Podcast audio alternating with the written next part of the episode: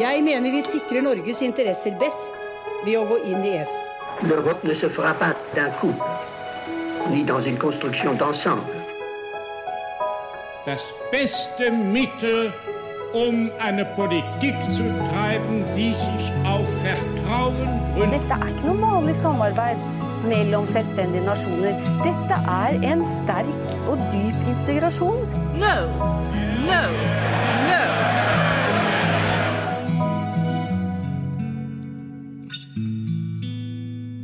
Velkommen til Det europeiske kvarter, en podkast om europeisk politikk og historie med Lise Rye og meg, Kristine Graneng, ved Europastudier på NTNU.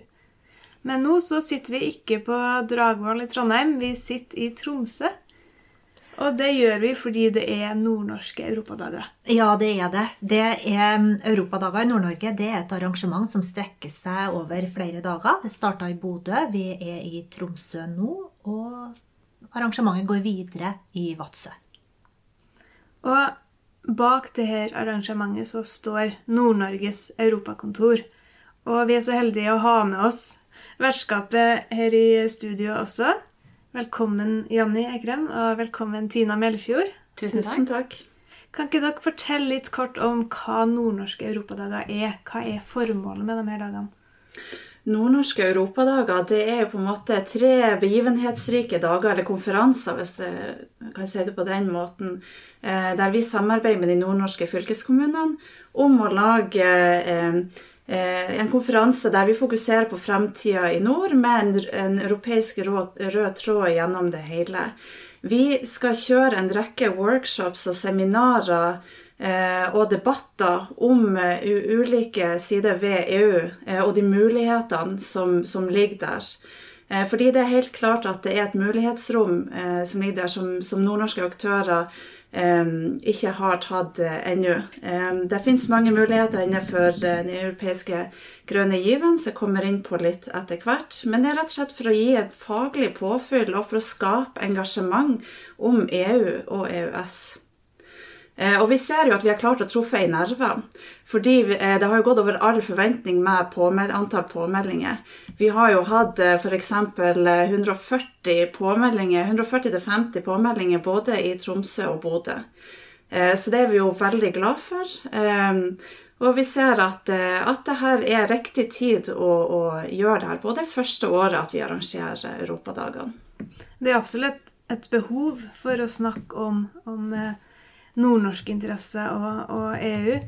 Og når vi har snakka om på en måte det norske perspektivet på forholdet til til EU, Lise, så, så gjør vi ofte det eh, uten, å, uten, å, forbehold. Vi snakker om, om, Norge som ett. Ja, vi har gjort det. Vi har i hvert fall gjort det veldig mye. Men, eh, men, Norge består jo av ganske ulike eh, regioner med ulike næringspolitiske interesser, med ulik geografi, ulike forutsetninger, ulik demografi. Og ja, i dag så tenkte vi at vi skulle dra denne her podkasten ned på et regionalt nivå og lære mer om en av de regionene som i dag har representasjon i Brussel, altså Nord-Norge. Mm. Og Nord-Norges europakontor det er jo ett av fem regionkontor i Brussel. Um, og dere må si litt om hvorfor har vi regionkontor? Hva er, hva er vitsen med det? Det er jo et spørsmål vi får eh, ganske ofte, både i Nord-Norge og i, i eh, Brussel. Men det handler jo om at Europa handler om regioner. De, de, er opptatt av at skal, beslutninger skal tas så lokalt som mulig, og da blir regionene veldig viktige. Så i Brussel er det jo over 300 regioner som er representert på en eller annen måte. Og da, det i seg sjøl tenker jeg er et argument at da, da må jo vi òg være der. Um, men, men konkret så er Nord-Norge der for at det er viktig å synliggjøre de nordnorske interessene. Fordi, altså som du sier, Kristine, det her med at man eh, ofte tenker Norge som ett. Det er jo vel og bra, det, men det er fryktelig mange ting som man fra nasjonalt hold skal greie å ta med. Det er ikke alltid man greier å fokusere på alle de viktige sakene og alle regionene samtidig. Så da er det viktig at man sjøl er der og sørger for at den jobben blir gjort, og at den rette informasjonen går begge veier. Mm. Og dere har vært til stede i Brussel ganske lenge. Vi har vært til stede i, i nåværende form siden 2005, så det, vi begynner å nærme oss jubileum. Eh, og vi eh, så et behov for å være til stede i Brussel pga. at EU ønsker å endre sitt statsstøtteregelverk. Eh, for i Nord-Norge så har vi den, den regionalt differensierte arbeidsgiveravgifta, som i seg sjøl kan høres litt sånn tørt og kjedelig ut. Men det gjør jo at uh, man i Nord-Norge, i regionene og distriktene, uh, har større evne til å sysselsette folk og satse på nye prosjekter fordi at arbeidsgiveravgifta er lavere enn det den er i Oslo, f.eks. Eh, men det her er jo statsstøtte. Eh, og da må, man, eh, da må, man, sørge for at EU sitt regelverk gir rom for det. Og da så man fra nasjonal side at de fokuserte ikke nok på det. Så da måtte, måtte Nord-Norge ned og gjøre jobben sjøl. Og lyktes dere med det? Det gjorde vi. Og det regelverket har blitt endra flere ganger siden sist, eller siden da. Og er fremdeles sånn at vi har gode muligheter i Nord-Norge. Mm, det, det, viser jo veldig tydelig at det, det lønner seg å være til stede. Og hvem er dere egentlig som er til stede i Brussel? Hvor, hvor, sitter dere hen? Først er vi jo en, en, liten, men veldig engasjert gjeng. Vi, vi, er jo ikke så mange, vi er fire stykker på kontoret nå.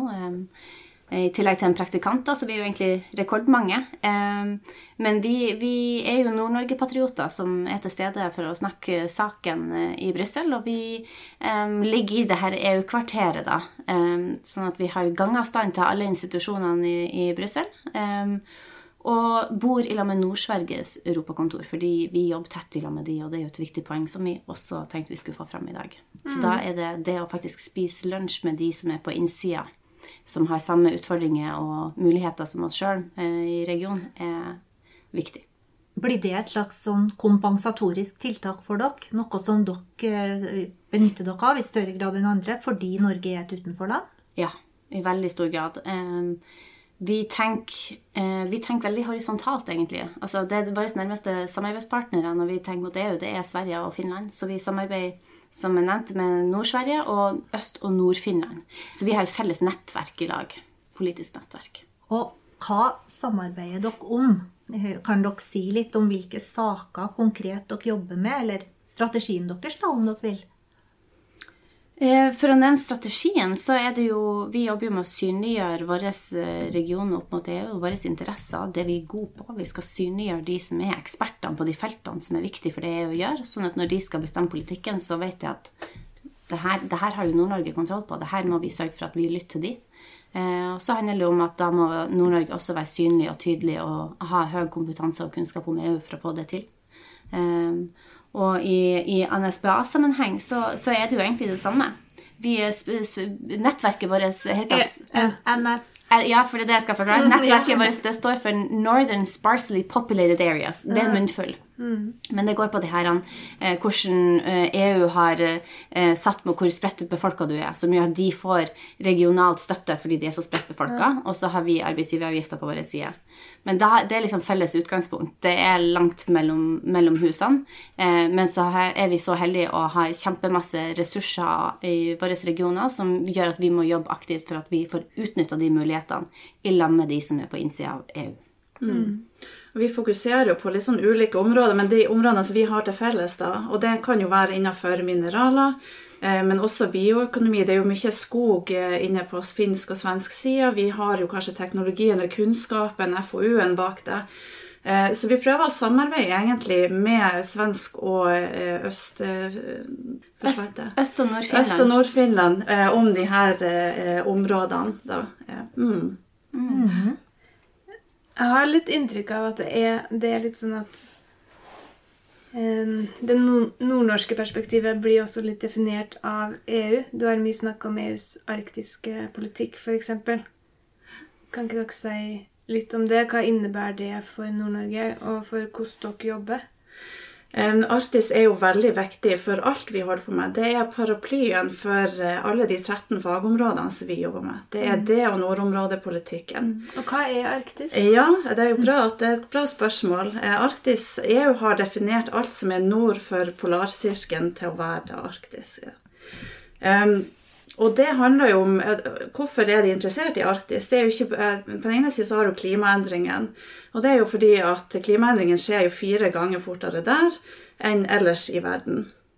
Eh, og, men så har du òg det geopolitiske sida av det. Og det handler jo òg om den isen som smelter, at det er eh, stormaktsinteresser der eh, som kommer til å være med framtredende eh, i framtida. Mm, og det handler om hvilke ressurser man får tilgang på, tra nye transportårer det handler om det, eh, men så handler det jo òg om eh, Vi prøver jo å ta det ned på det regionale, fordi at det her blir veldig sånn høy, høypolitikk, kan du si.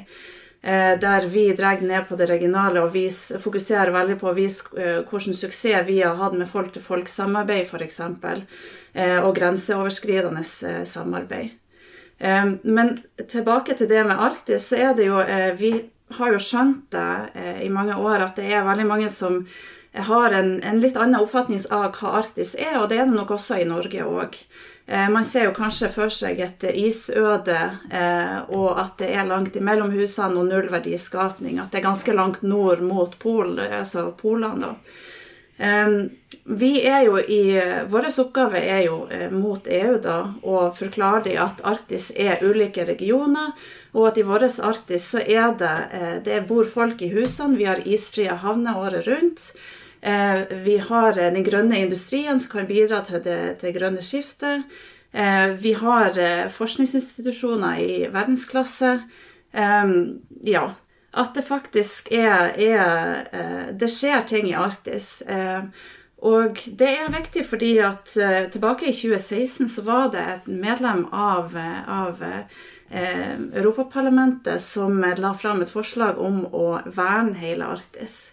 Eh, og det er jo ikke vi betjent med. Eh, da, det vil jo gå på bekostning av verdiskapninga. Vi ser jo definitivt behovet av å verne enkelte områder, men eh, da, da, kommer det tilbake til vår jobb her. Da. Det er jo å informere dem om hva er faktisk Arktis er, og hva vi har eh, å bidra med. fra vår For det forslaget handler kanskje om at man hadde en litt feil forestilling av, av hva, hva som skjer her nord? Ja, og hvor klimaendringene faktisk skapes. De skapes jo ikke i Arktis, men det er der man merker det først, og man merker det mest og kommer til å ha de store, varige konsekvensene. Vi så jo noen fine bilder av det i Bodø, av eh, de her europaparlamentarikerne som var på befaring, kan vi si det, i Nord-Norge. Ble de overraska over det som eh, møtte dem, over det de så? Veldig. Det det er vanskelig å beskrive det uten at det høres banalt ut. Men de, de tror jo de skal opp i et isøde hvor det, de skal på nordlysjakt og se isbjørner i gaten. Fordi det, det, det er det de tror det er. Man, Ser for seg Nordpolen? Ja, det er det de gjør. Mm. Eh, det, det, brukes ofte på konferanser hvilket resultat du får opp hvis du googler Arctic. Det tar en stund før du får opp faktisk hus og byer. Så de blir kjempeoverraska. Det er levende samfunn. Sånn som nå når vi er her i Tromsø. Det er julepynta gate, det er masse folk og turister som går rundt omkring.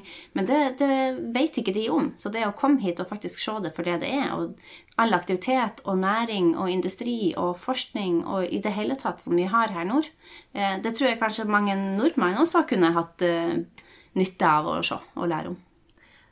Hvilke saker er det som rører seg i EU nå om dagen som er særlig relevant for Nord-Norge? Jeg har inntrykk av at det blir flere og flere. Ja, det er jo mange, mange, saker, men kanskje det som er det største nå for tida, er jo EUs grønne giv, eller Green Deal. Um, og det betyr jo at uh, med det så, kommer det jo mange reguleringer og lovendringer som vi er nødt til å implementere i Norge og i Nord-Norge i årene framover. Men samtidig, og kanskje det vi er mest opptatt av, er jo alle de mulighetene eh, som kommer med eh, den grønne given. For å, for å, dra det ned på noe veldig konkret. I, i Bodø så hørte vi jo på Sigurd Stormo, som er ordfører i Meløy. Han snakka om de mange mulighetene som han så for sin kommune innafor den grønne given. Kan dere si litt mer om det? Ja, um, Meløy Altså, De er en sånn fantastisk kommune som ser det at det, det, at vi er få folk, det betyr ikke at vi ikke skal få til noe. Så de har jo en del industri allerede, og den har de lyst til å bygge videre på. Eh, de har lyst til å starte produksjon av hydrogen til neste år, bl.a. annet. og i tillegg så har de mange av de mineralene som trengs. For at vi skal greie å utvikle all den teknologien som trengs for at vi skal lykkes i det grønne skiftet, så trenger vi mineraler. Det er jo et kjempebetent eh, tema, men, men, sånn er det. I telefonene våre er det masse masse mineraler som må utvinnes. Og der har Meløy tenkt at her, her, kan de ta en rolle. Her kan de gjøre akkurat det som vi ønsker at nordnorske aktører skal gjøre. De skal, de skal ta en rolle i det grønne skiftet og være synlige også på internasjonalt og europeisk nivå, Og ta sin del av ansvaret for at vi skal lykkes med å bli klimanøytral, rett og slett. Mm, og jeg tenker det her er interessant av, eh, å, å knytte to poeng, på en måte. Eh, Fordi det her handler jo ikke bare om EUs grønne giv, det handler jo også om en enda mer overordna strategien, det som handler om um, strategisk autonomi, som er blitt et sånt buzzord, um, kan man jo si. Men det handler jo også om, om behovet for informasjon, og noen som kan være til stede og se de mulighetene som ligger i EU-systemet. Og der er han Sigurd et kjempegodt eksempel, fordi han var nede i Brussel på studietur eh, tidligere i år. Og da fikk vi gått gjennom alle de her tingene med han. Om, om de, altså det her med strategisk autonomi, om satsinga til EU på hydrogen, om det grønne skiftet og Repower EU på energi. Altså alle de her tingene. Og det har han tatt med seg. Så det, det han satt og sa der, det var et kjempebevis på det at han, nå har han virkelig skjønt poenget, og nå skal de satse. Og for å ta det litt mer på et overordna nivå, eh, det må bare presiseres at det er fryktelig mange eh, fremtidsretta eh, virksomheter i Nord-Norge som kommer til å bidra til å styrke det grønne skiftet. Vi har, vi har masse verdiskapning og spennende prosjekter innenfor hydrogen, om det er for mineraler, sjømat, vi har batterifabrikk som er under oppbygging, vi har datasenter, vi har produksjon av grønt stål og produksjon av fornybar energi og sirkulærøkonomisk tenking. Sånn at vi har altså Vi bruker å si, vi bruker mest eh, når, når vi er rundt og prater med ulike folk, så sier vi at i Nord-Norge så skal vi ikke sette i gang med det grønne skiftet. Vi sier at vi, vi, alle, vi er allerede godt i gang med det, og det har vi vært i flere tiår. Så er det litt mer vår oppgave kanskje da å sette her litt eh, opp i systemet, eller opp mot EU, da, for å finne hvilke muligheter som ligger der. F.eks. innenfor rammeprogram eller prosjekter eller nettverk, for å få tak i kunnskap som har mangla, f.eks. Eh, være med, eh, få partnere på, på et ganske høyt nivå, europeisk høyt nivå, eh, som de kan tjene på. Vi eh, var jo på to debatter i, i Bodø, Lise. Vi fikk med oss to debatter. Den ene det var en ungdomsdebatt. Det var Ungdommens fylkesråd i Nordland som, som sto bak den debatten. Og det som slo meg, da, som var gjennomgående eh, blant alle de ungdommene som var med i debatten, det var at de snakka om at det var så viktig å sørge for at ungdommen ble i, i Nordland. Og det er jo en, en utfordring man har i de nordligste kommunene i, i Norge. At man, man vil gjerne ha folk som bor her.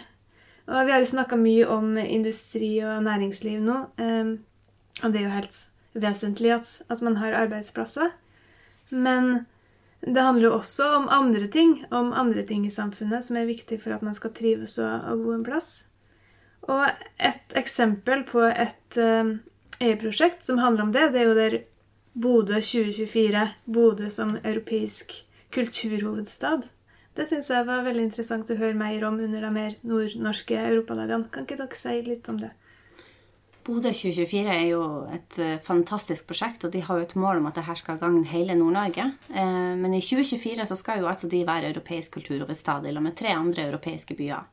Eh, og det Vi kan ofte bli litt snever når vi tenker på kultur, for det handler jo ikke om at det skal være et år med masse kulturarrangement. Det skal det jo også være. Men det handler jo om å være med og skape et mer attraktivt Nord-Norge. Eh, en region hvor du har lyst til å bo, hvor du får være med og bidra om du er ung eller om du er gammel, eh, og med et fokus på mulighetene som ligger i EU. Så det er jo masse masse eh, aktører som er med på det her og skal sørge for at det her eh, blir et knallbra år. Men det som man også er opptatt av, det er hva man skal sitte igjen med etterpå. Fordi det skal ikke bare være det ene året. Det her skal være med å bidra til bolyst og attraktivitet og synlighet av Nord-Norge. Fordi at hvis vi faktisk skal altså Det ene er jo det å snu den negative eh, demografiske trenden med fraflyttere fra regionen. Det andre er jo at det skjer en del prosjekter i Nord-Norge som krever at det flytter flere. At vi får økt eh, tilflytting. Og da kan man ikke bare se til andre regioner i Norge, da må vi se utenfor Norge sine grenser.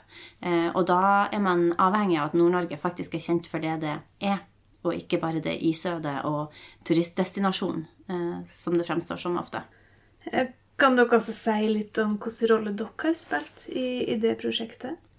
Der har vi faktisk vært med helt siden start. Helt siden det politiske vedtaket kom om at det her skulle søkes om. Da har de ulike som har vært, uh, jobba på kontoret de siste årene, vært med i, helt ifra første prosjektgruppe. Uh, men helt konkret så har vi bidratt med den europeiske delen av søknaden. da, Og sørge for at det som de ønsker å få til, har en tydelig europeisk tråd. For det er jo litt uh, vår rolle som kontor generelt. Det, det er jo å se det som skjer i Nord-Norge i en europeisk kontekst. Og hjelpe til med å øke kunnskapen om hvorfor og hvordan hvordan det er relevant. da.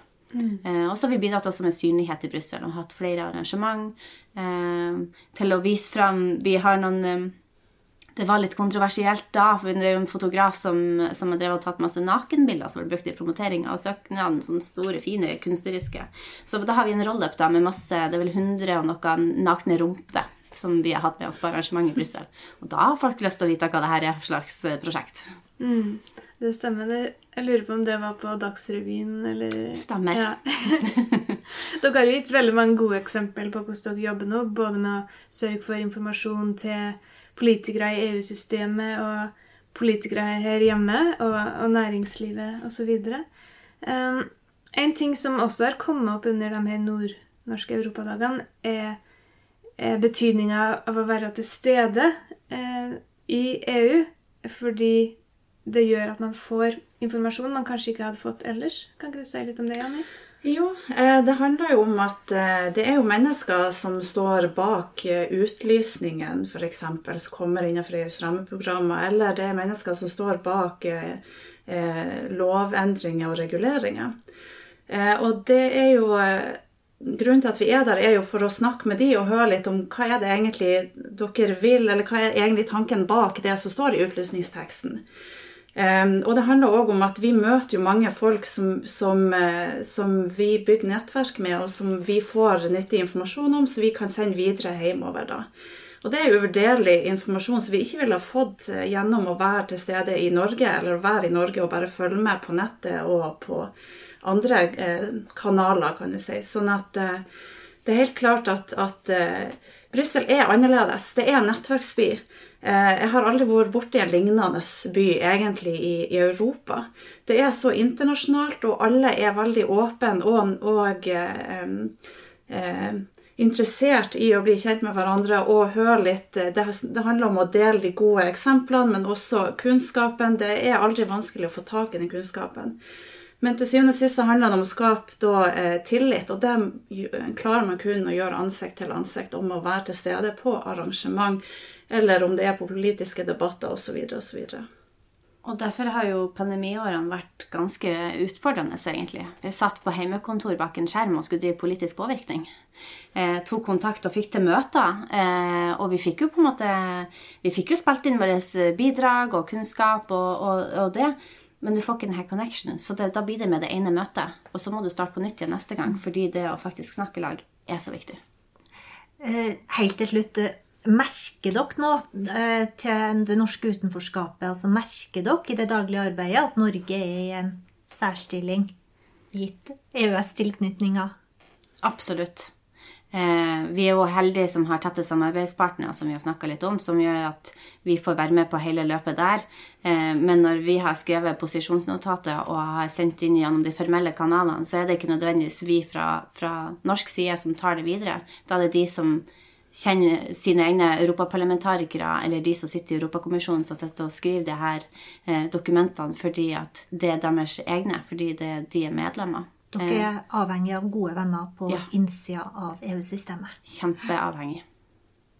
Tusen takk, eh, Tina og Janni, for eh, et innblikk i hvordan dere jobber, og ikke minst for å gi oss et, et bredt perspektiv på nordnorske interesser, som jeg tenker er viktig å formidle til EU, men også viktig å formidle i en norsk sammenheng. Sjøl takk. Dette er en del av jobben vår å sørge for at det er flere som vet hvordan Nord-Norge faktisk er.